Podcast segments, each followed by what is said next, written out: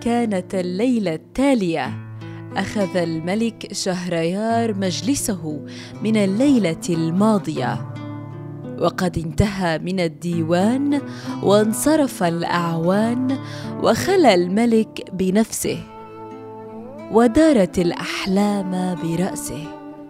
ونظر إلى يومه وأمسه. وطالعته شهرزاد من خلال لياليها. وأطرق ساعة يفكر فيها ويتأمل كلامها ويتذكر قصصها. ولأول مرة صدعته الحقيقة المرة فاستبدت به الحيرة ونهشت به الغيرة وبينما هو يغالب هذه الأفكار دخلت عليه شهرزاد بقوامها الفتان وكأنها فراشة حائرة أو نسمة عابرة. ولما رآها الملك توجه إليها وهو غضبان وأقبل عليها سائلا. أريد أن أسألك سؤالا واحدا. ماذا تريدين مني؟ لا بد أن أنتهي من أمرك هذه الليلة يا شهرزاد.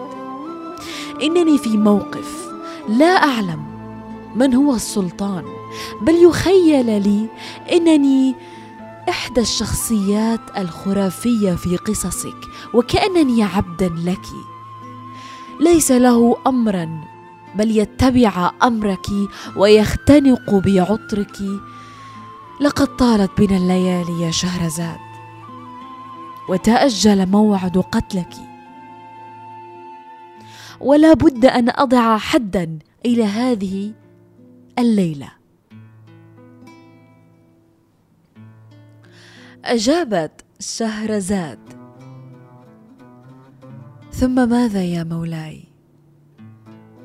ثم أمحو وجودك وأتحرر من سحرك. ثم ماذا يا مولاي؟ وماذا يمنعك؟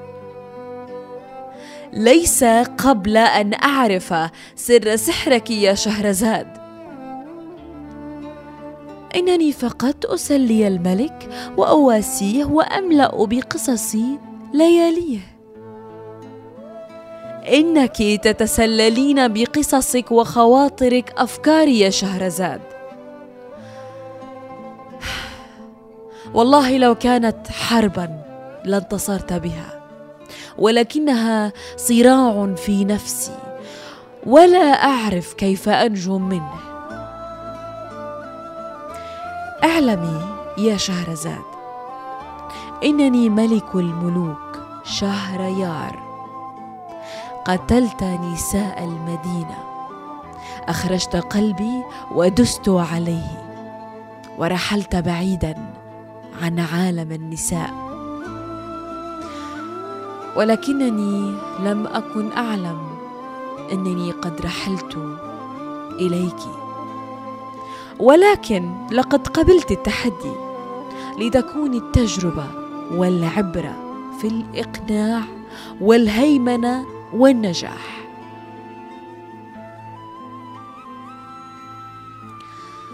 تلك هي الحياة يا مولاي. الصراع بين الخير والشر. ولم تنتهي إلا إذا تهدى الأطماع. ولكن متى ستنتهي هذه الأطماع يا شهرزاد؟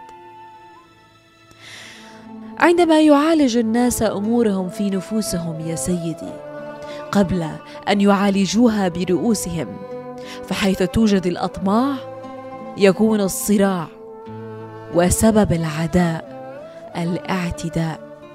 تلك هي الحقيقة منذ كانت الخليقة. إن الإنسان يا مولاي في هذا الأمر هو الاختلاف ما بين الخير والشر. يكون كالبعير الذي يموت في الصحراء وعلى ظهره يحمل الماء. ولكنني قاتلك الليلة يا شهرزاد. ولن ولم أسمح لك بأن تلعبي بأفكاري وخواطري مرة أخرى. امرا وطاعه يا مولاي ولكن اسمح لي بليلة واحدة.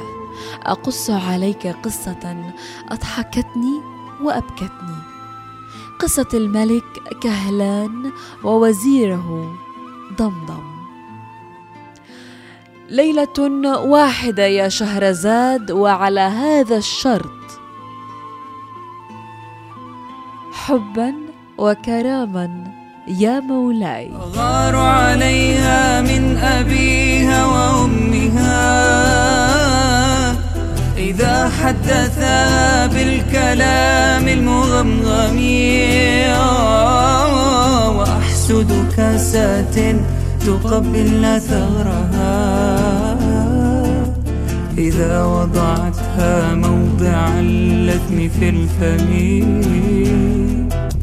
أغار عليها من أبيها وأمها. إذا حدثا بالكلام المغمغم وأحسد كاسات تقبل ثرها إذا وضعتها موضع اللثم في الفم ليه؟